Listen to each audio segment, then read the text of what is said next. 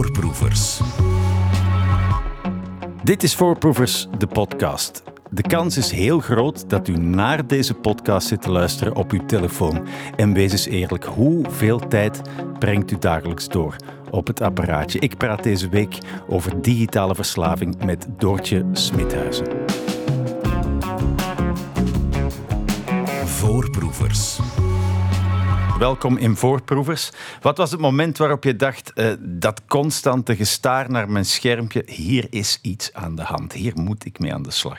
Het was niet echt één moment, denk ik. Het was meer een soort onderwerp wat zich de hele tijd bleef aandienen. Ik heb natuurlijk best wel veel dingen gemaakt over digitalisering, ander boek en documentaires.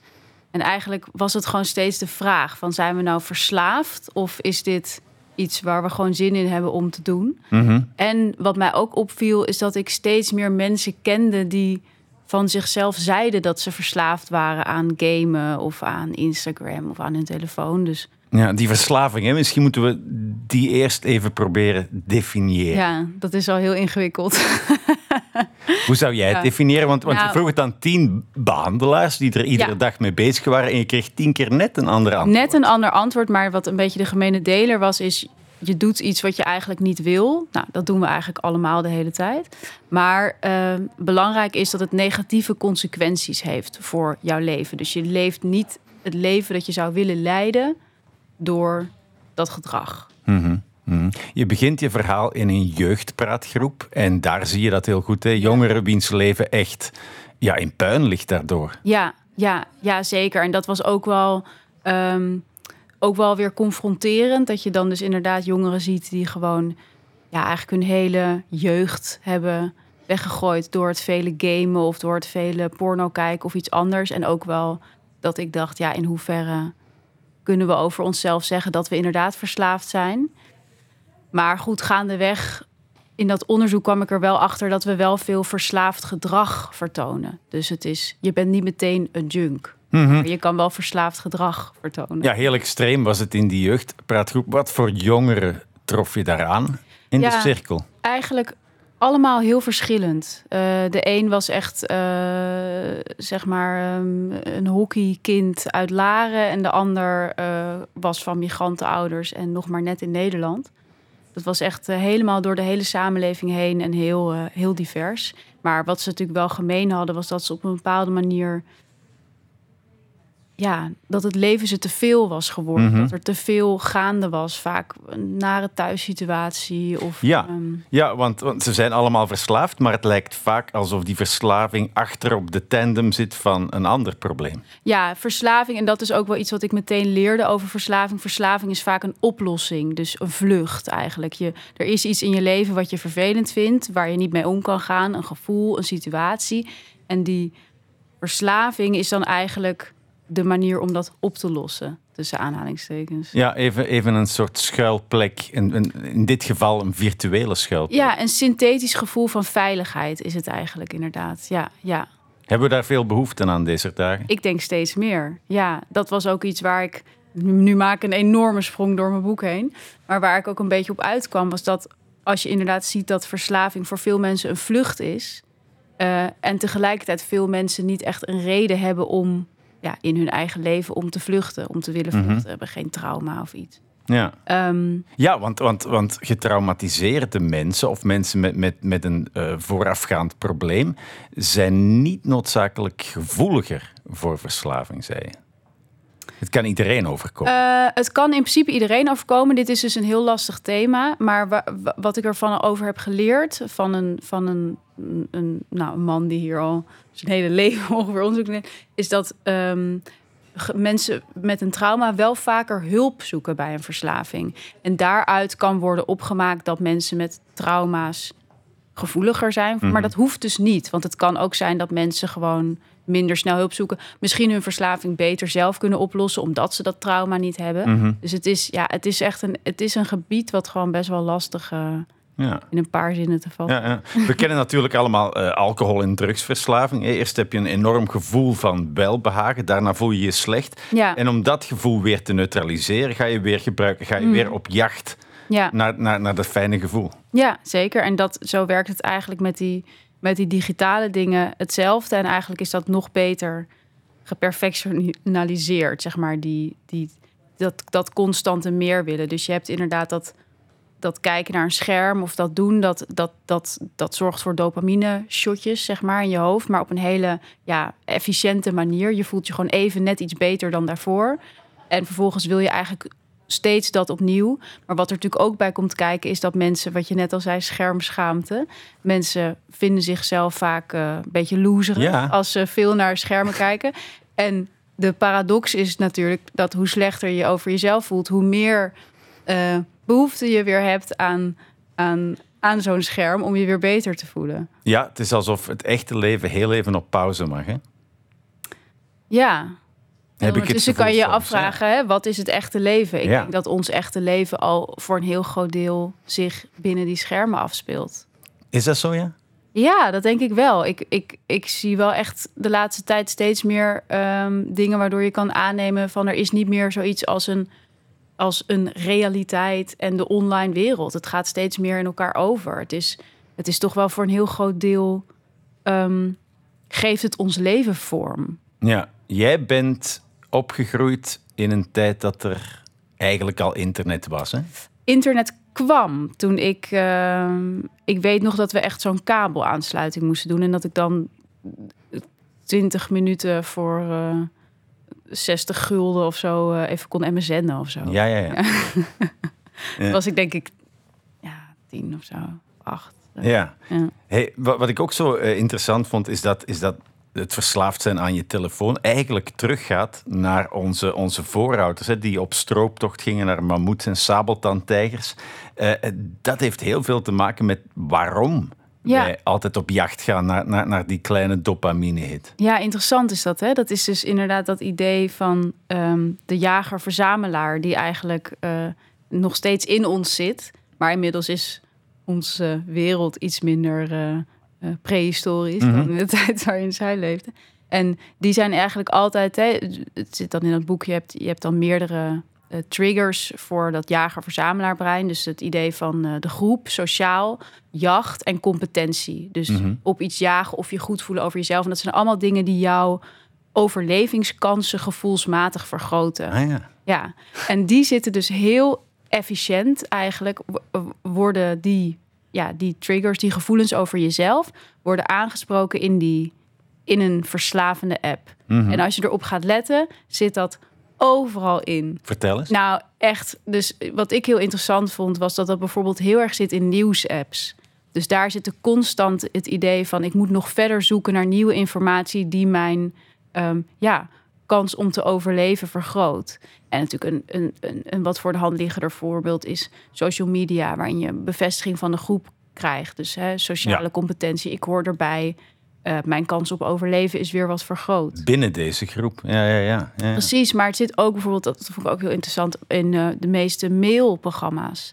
Dus dat idee van een nieuw mailtje en dat steeds kunnen verversen, dat is ook heel, is voor de jager-verzamelaar ook heel verslavend. Hey, ik ken het, ik verzamel e-mails. Eh, eh, even nog eens terug naar die jeugdgroep. In je boek heb je het over zogenaamd algemene aanvaarde verslavingen, alcohol, drugs, schokken. Mhm. Mensen met een digitale verslaving worden vaak niet helemaal ernstig genomen, schrijf je ook. Die verslaving kan pas behandeld worden op de rug van zo'n klassieke verslaving. Nou, dat heb ik inderdaad meermaals eh, ben ik dat tegengekomen. Dat mensen inderdaad dan maar fijnzen dat ze een alcohol- of een drugsverslaving hebben. Vaak ook in, in, in overleg gewoon met de psycholoog. Om in zo'n kliniek opgenomen eh, te kunnen worden. Ah ja, dus je zegt ik, ik, ik drink te veel. Ja, Dan nou- krijg je een afspraak en dan zeg je eigenlijk... Nou ja, en dat was ook al, sterker nog, dat was ook al best wel eh, normale gang van zaken. Dan kwam er kwam iemand dus in zo'n kliniek en zeide: Ja, luister, ik moet jullie iets vertellen. Ik zei dat ik een eh, drankverslaving had, maar ik heb eigenlijk een social media verslaving. En dan zeiden die mensen eigenlijk meteen van: Oh, geen probleem, dat zien we hier hartstikke vaak. Kom erbij. Ja, kom erbij. Dus het, Maar, maar hoe, hoe zou dat komen? Dat, dat, nou, dat ik, niet ernstig of, of niet als een echte Nou, ik denk dat het gezien? geen onwil is hoor. Ik denk dat het gewoon. Het zijn natuurlijk gewoon relatief hele nieuwe dingen in ons leven. Ja. En eh, we zijn dat echt nog een beetje aan het uitvogelen, volgens mij, als samenleving, hoe we daarmee om moeten gaan. En eh, wat natuurlijk ook wel heel erg meespeelt, is dat met bijvoorbeeld een drugsverslaving, dat, dat, ehm, is veel sneller schadelijk, denk ik. In veel gevallen. Nou goed, je zal ook wel. Ja, voor je lichaam en je omgeving heeft er ja, misschien iets, iets directer last van. Je hebt het misschien sneller door, ook als omgeving. Je ziet het fysiek, je, mer- je merkt het fysiek heel erg. En dat is natuurlijk met veel van die digitale verslavingen minder aan de hand. Kun je goed verstoppen. Dat kan eventueel. Ondertussen is het natuurlijk wel zo dat het vaak heel veel impact heeft op je leven. Ik bedoel, als jij eh, elke nacht eh, eh, zes, zeven, acht, negen uur porno moet kijken, Mm. bijvoorbeeld, ja, dan ga je fysiek ook aftakelen. Gaat je werk erop Ja. achteruit. En wat, en wat het lastige is, wat de mensen die ik sprak, wat zij me eigenlijk allemaal vertellen, vertelden, was ja, als ik had geweten dat dit een verslaving is, dan had ik het misschien ook eerder bij mezelf gediagnosticeerd. Hmm. Dan had ik mezelf misschien eerder eh, bij de kladden gegrepen. Zeg Ja. maar. Dus bijvoorbeeld een jongen die ik dan sprak, die aan Grindr verslaafd was, heel Ja, erg. dat is een, Ja. dating app voor gays. Ja, het is een gay dating app. En hij had dat gewoon helemaal niet in zijn hoofd als een potentiële verslaving, maar kon na op een gegeven moment jaren. Misschien voelde hij zich inderdaad een, een succesvol oermens op jacht.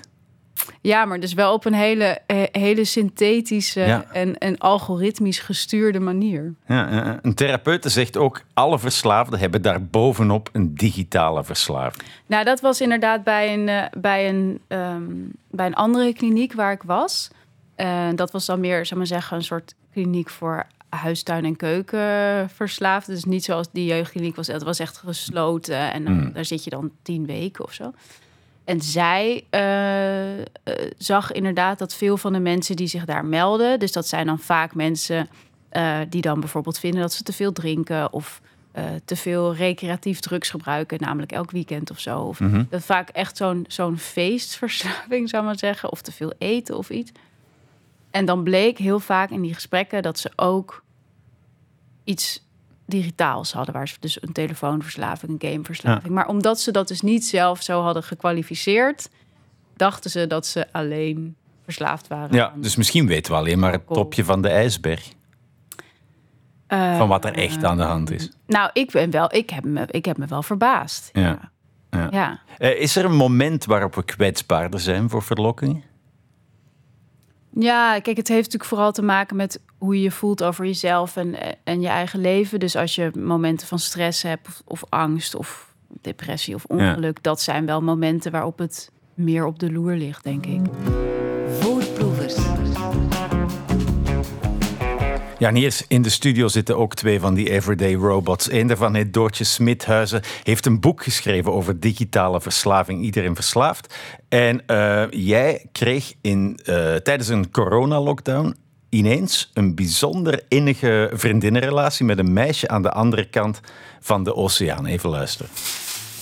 Shower time! I know. Every time I show it, it's a big shocker. But here's the question of the day Am I going to wash my hair? This is a question I ask myself daily. Can I go another day without washing it? Like, I, I shower. It's not like I don't shower. Also, I think I have ringworm. Do you guys want to diagnose this rash? Oh, it's not that bad.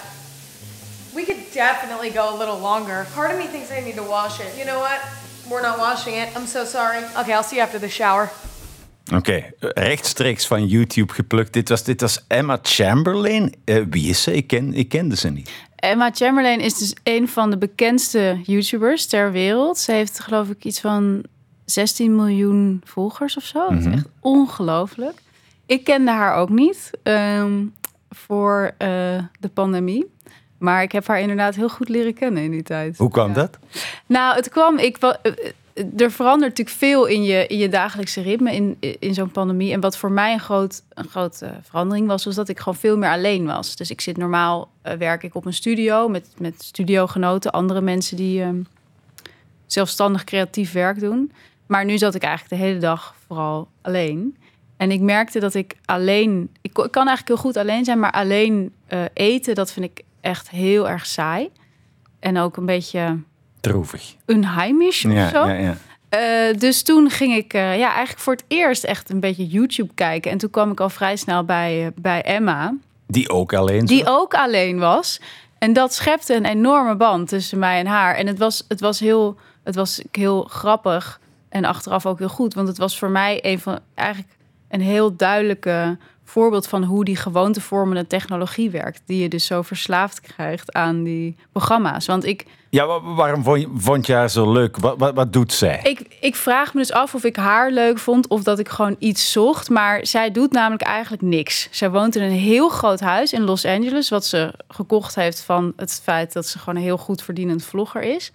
Ehm, ze loopt daar een beetje in rond. Ze klaagt eigenlijk een beetje de hele dag, zoals je dus net hoorde. Ja. Het gaat veel over haarzelf. Dus over dat ze een pukkel heeft, dat ze moe is, dat ze Of ze haar moet wassen of dus net niet? haar Wel- moet wassen ja. of niet. En ehm, weet je, dat koffie niet lekker is of wel lekker. Maar ik ging daar op de een of andere manier enorm in op. Ik vond dat heerlijk om naar te kijken. Ik vind het nog steeds heel lekker om naar te kijken trouwens. Waarom? Nou, omdat het, ik denk wat, wat YouTube heel goed doet, is dat het je, ehm, zeg maar, een. Het creëert een heel veilig universum. Waarin je eigenlijk precies weet wat je gaat krijgen. En daarbinnen word je toch nog verrast. Dus als je erop op gaat letten, dan zie je dat eigenlijk elke succesvolle vlogger doet eigenlijk altijd hetzelfde.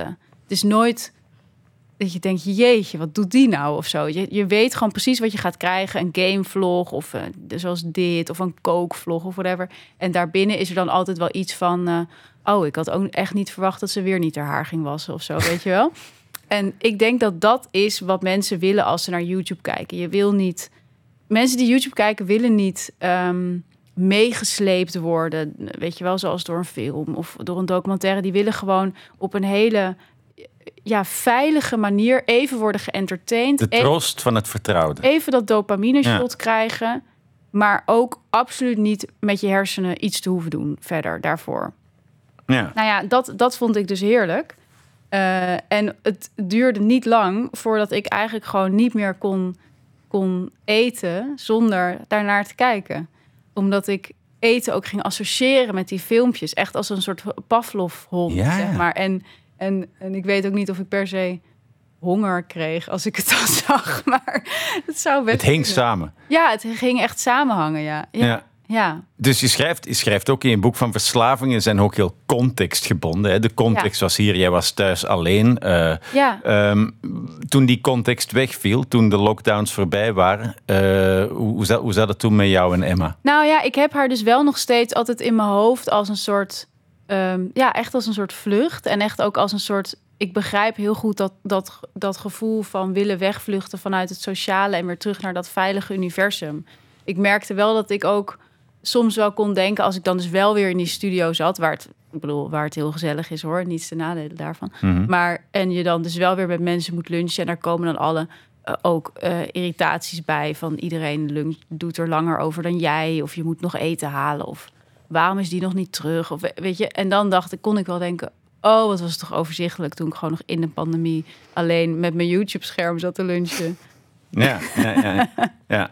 Nu, YouTube kijken is niet heel productief. Nee. ehm, gamen ook niet heel erg. Nee. Maar je kan ook verslaafd geraken aan apps die jou een beter leven beloven. Een fitness-app of, Ja, een stappenteller of een dieet-app. Nou, en dat was echt, dat was voor mij ook echt is een van de belangrijke dingen in het boek. Dat ik denk dat we verslaving inderdaad heel erg zien als iets wat ons eh, Kapot ja, maakt. Wat, wat ons kapot maakt, wat ons uit de samenleving. En wat eh, in essentie ook verbonden is met niet een perfect mens zijn.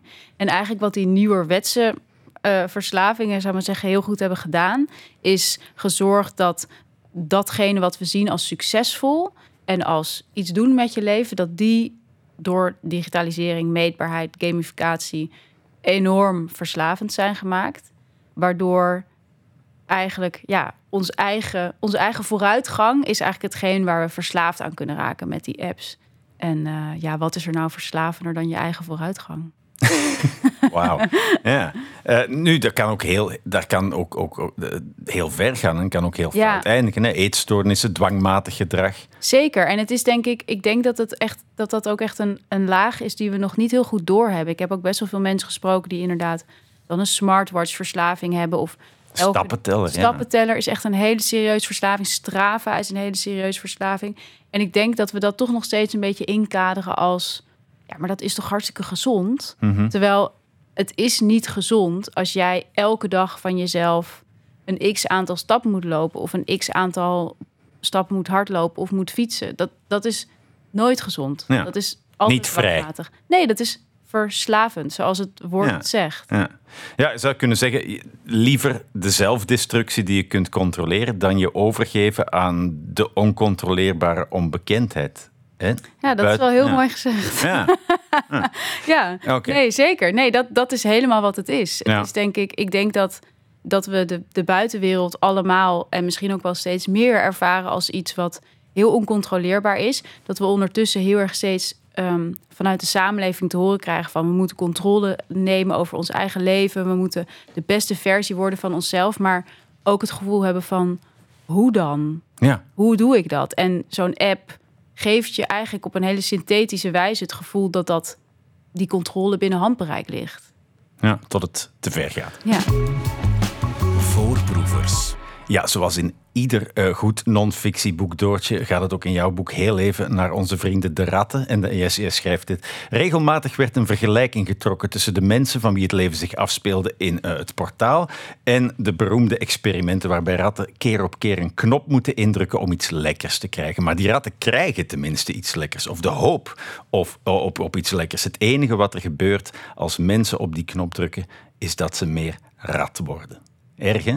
Ja. Ja. Dat brengt ons wel direct naar de hamvraag. Wat maakt dat we ons gedwongen voelen om mee te stappen in die digitale rat race?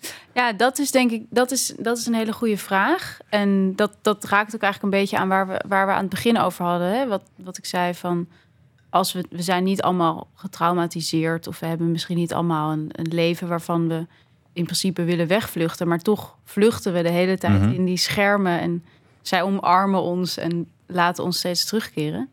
En ehm, ik heb inmiddels het idee, kijk, waar we het net ook over hadden, van we, we, we leven in een samenleving waarin we steeds worden verteld van je moet het beter doen, je moet jezelf ontstijgen, je moet een geweldig leven leiden, super gelukkig zijn Ja, en je- ook nog heel succesvol. Je belandt inderdaad direct dan bij het systeem, het, het neocapitalisme. Ja. Ja. De economie van het verlangen. Ja, zeker. Dat, dat is wel heel erg hoe ik het inmiddels zie. Van het, is, het is echt een, een reactie op, op, op systemen om, om ons heen, inderdaad, die ons eigenlijk constant eh, aanjagen om meer te zijn. En tegelijkertijd ook alsmaar het gevoel geven dat het niet genoeg is. En ook natuurlijk ja, een, een aan alle kanten zeer verschraalde wereld eh, optrekken, waarvan het wel het vluchten waard is, wat mij betreft. Ja, een verlangen, laat je eh, filosoof Slavoj Žižek zeggen in je boek, is nooit alleen een verlangen op zichzelf. Het is altijd een verlangen naar verlangen. Het, het verlangen dat verlangen nooit ophoudt. De wens om altijd te verkeren in een staat van, behe- van begeerte en bijbehorende bevrediging. Ja, dat, is heel erg, dat gaat ook heel erg voor, voor mijn gevoel over ehm, de ideale mens. En de ideale mens is iemand die iets wil en dat vervolgens doet. En dan weer iets wil en dat doet. Die eigenlijk de hele tijd doelen voor zichzelf behaalt, verlangens bevredigt. En hij beschrijft dat heel goed ook met eh, waarom cola zo'n populair drankje is. Omdat het een van de weinige drankjes is waar je meer dorst van krijgt. En meer zin in cola. Wat heel paradoxaal klinkt. Dat je denkt, waarom zou je dat kopen? Maar omdat we natuurlijk in een wereld leven waarin we alsmaar het gevoel hebben dat we onszelf moeten vervolmaken als ja, con- consumerende mens. eh, werkt zo'n drankje heel goed. Maar dit is natuurlijk precies aan de hand ook met eigenlijk alles wat we in het digitale doen. Als je alleen al kijkt naar een Netflix, weet je, niemand, er is geen mens op deze wereld die ooit één aflevering van iets op Netflix heeft gekeken en daarna heeft gedacht. Nou, zo, dat was een leuk experiment. Ik hou ermee op. Weet je, dat, dat bestaat uit het idee dat je alsmaar door wil kijken. Dat er altijd een nieuw seizoen is. Wat, wat dan nog ultiemer is dan het vorige. En zo zit het natuurlijk in alles. In elke game, weet je wel, elke, elke app. Het is natuurlijk ergens ook krankzinnig dat we nu al bij de iPhone 15 Ja, of zo ja, zijn. ja. Weet je wel? Dat, terwijl we, je, iedereen die die iPhone 15 koopt, er is niemand die dat koopt en die denkt zo, nu stop ik. Dit is mijn laatste iPhone. Je kan nooit meer terug. Je moet altijd door. En dat is natuurlijk waar gewoon die digitale eh, ja, apps, maar ook dat soort spullen gewoon heel goed in zijn. Ze, Ja. weten, je, ze weten je beter dan, dan, dan mensen, zeg maar, oneindig te fascineren. Mhm. Het is ook een enorme economie. Los daarvan hadden we het over de economie van het verlangen. En, en eh, er hangt een heel groot spook over eh, je boek. Een ander soort verlangen. Het verlangen naar de ander, naar samenhorigheid. Ja. Hè? Uh, want, want waar binge, online binge vooral een symptoom van is, is eenzaamheid. Zeker. Ja, eenzaamheid is echt een heel belangrijk thema in het boek. En het is ook interessant als je kijkt waar we het dan net over hebben met zo'n Emma Chamberlain. Weet je, kijk, bij mij is dat dan natuurlijk allemaal best wel onschuldig. Maar um, wat het laat zien is hoe gemakkelijk we eigenlijk sociaal contact inruilen voor um, een digitale vervanging daarvan. En dat Mhm. is natuurlijk als je nadenkt over hè, hoe de mens eigenlijk in het leven staat en waar die bang voor is, eh, is dat eigenlijk heel, heel ehm, logisch. Want we zijn natuurlijk, we, hè, we moeten sterk zijn en, en, en, en, en succesvol zijn, maar er is natuurlijk niks zo ehm, onvoorspelbaar en oncontroleerbaar als je relatie met anderen. Mhm. Je kan afgewezen worden, je kan gekwetst worden. Je kan echt, als je erover nadenkt, kan echt de hele tijd van alles misgaan daarin. Maar met zo'n digitale relatie niet. En daarom vind ik het heel voorstelbaar eigenlijk dat veel mensen ervoor kiezen om ja, zich dan liever tot dat digitale te wenden in plaats van tot een eng echt persoon. En dat hoeft natuurlijk helemaal niet zo te zijn dat iedereen ineens eh, alleen nog maar YouTube kijkt en nooit meer met iemand praat. Ja, of ziet- trouwt met een robot. of trouw met een robot, dat gebeurt ongetwijfeld ook. Maar je ziet het natuurlijk wel al op veel kleinere en, en eh, subtielere schaal al heel erg gebeuren. Dus dat mensen veel liever appen dan bellen bijvoorbeeld. Ik geloof in Nederland in elk geval zijn jongeren die Minder willen gewoon- spannend, die ja. willen ja. gewoon niet meer bellen. Dat is gewoon doodeng. Ja, Snap ik ook. ja. Appen is veel, veel makkelijker. Maar ook bijvoorbeeld het succes van dating apps. Niemand wil meer op iemand afstappen in het café. Iedereen wil eerst eh, dagen met elkaar geappt hebben en al half eh, besproken hoe je zou willen trouwen en eh, hoeveel mensen erbij zouden zijn voordat je een keer met elkaar afspreekt. Het is dat die, die digitalisering van ons contact en dat soort van willen bezweren van die relaties, dat zit al in heel veel dingen. En dat leidt gewoon tot heel veel eenzaamheid. Ja, je, je- je schrijft ook eh, eenzaamheid is iets schaamtevols. Ja, zeker. En dat is denk ik, dat is ook waarom het zo'n, in elk geval in Nederland, ik weet niet, ik denk dat dat hier ook zo is, eh, zo'n groeiend probleem is, en zo'n snel groeiend probleem, omdat niemand erover wil praten. Zelfs, eh, eh, dat, dat, dat eh, beschrijf ik ook, zelfs onderzoekers willen het eigenlijk niet onderzoeken, omdat het te confronterend is. Ja. En heel eerlijk gezegd, ik merk dat zelf ook. Weet je, het is op het moment dat iemand eenzaam is, of je dat bij iemand voelt, dan deins je daar een beetje van terug, bijna fysiek. En Ja. we- Je beschrijft heel mooi dat je iemand ontmoet in een Ja. wachtkamer bij de therapeut. Ja. En, en, en die man zoekt contact, zoekt Ja. toenadering, geeft eigenlijk toe van hey, ik, ik ben, eenzaam. En jouw reactie is? mijn telefoon pakken en erop kijken. Ja, het is echt zo erg. Ja, het is echt verschrikkelijk. En ik, en ik schaam me daar ook nog steeds voor. En goed, ik heb dus wel een beetje onderzocht hoe dat dan komt. En evolutionair gezien is dat ook te verklaren weer. Omdat op het moment dat hè, de mens is een groepsdier... en op het moment dat jij een ander mens ontmoet... die eigenlijk aangeeft... ik ben buiten de groep gevallen... dan denk jij als mens die wil overleven... met jou moet ik even niet al te veel te maken krijgen. Want voor ik weet sta ik bij jou en niet meer bij de rest. Mhm. En dat zit natuurlijk in, in- ja, dat zit in zoveel interacties. En ik denk ja, dat mensen daardoor gewoon aanvoelen... dat ze het beter niet over die eenzaamheid kunnen hebben. Ja, ja, ja. En, en in stilte doen, Ja. als- doen alsof alles wordt- goed gaat op Instagram. Het wordt ons natuurlijk ook zo afgeleerd om überhaupt kwetsbaarheid te tonen. ehm, te zeggen dat je de ander nodig hebt. Mhm. Terwijl ik denk dat er geen mens op de. Er is gewoon geen mens op deze wereld die niet een ander nodig heeft. Ja, wanneer ik dat allemaal zo hoor, Doortje, zou je kunnen zeggen: weg met de smartphone. We moeten terug naar de basis, terug met elkaar in contact treden. Maar is de, de smartphone ook niet gewoon een uitvergroting Ja. van een probleem dat er al was? Ik, ik, ja, ik, nou, ik, precies. Ja, helemaal. Ja, ik herinner mij vroeger, hè, er waren nog geen smartphones, nu wel.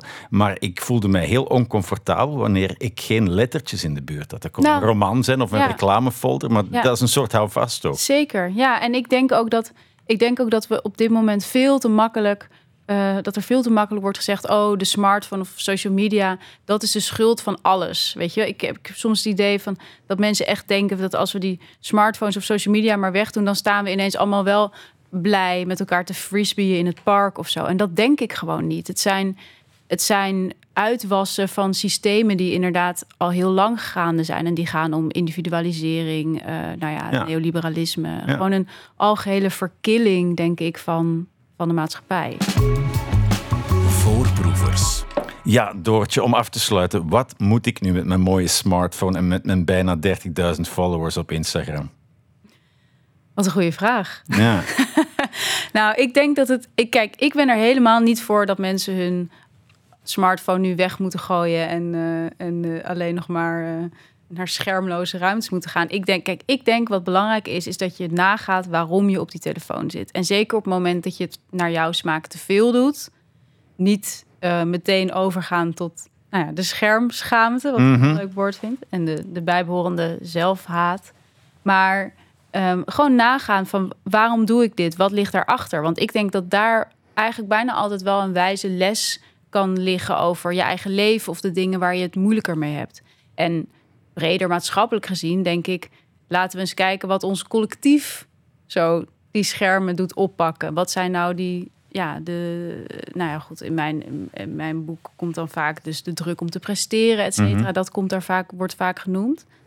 Dus ik denk dat je er op een rare manier ook wel lessen uit kan trekken of zo, uit dat gedrag. Ja, Eh, in je boek is er inderdaad een jongen die heel erg verslaafd is aan YouTube-filmpjes en die pas weer kan leven wanneer die aanvaardt van, ja, ik ben nu eenmaal die gast die af en toe naar YouTube kijkt. Ja, hij, hij, En niet vecht tegen die eh, slechtere versie van zichzelf. Ja, precies. Hij probeert echt heel vaak te stoppen. Dat lukt dan steeds natuurlijk niet.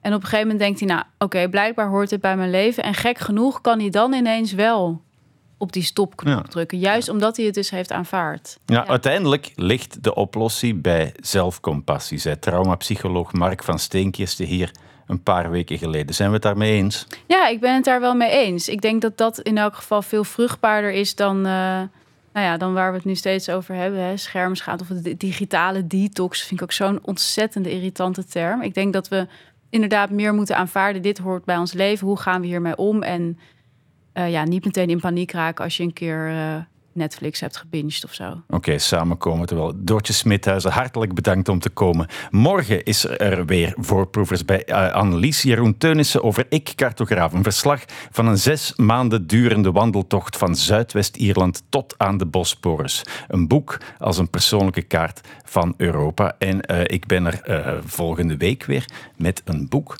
over taal. Doortje, nog eens bedankt. Dankjewel. Waar ga je nu naartoe? Naar huis. Weer naar Amsterdam? Ja, zeker. Met de trein? Ja, heerlijk met de Thalys. Oké.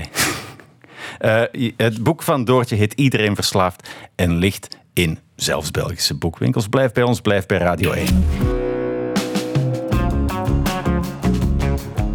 Voorproevers. Dit was Voorproevers uh, met Doortje Smithuizen over digitale verslaving. Voorproevers.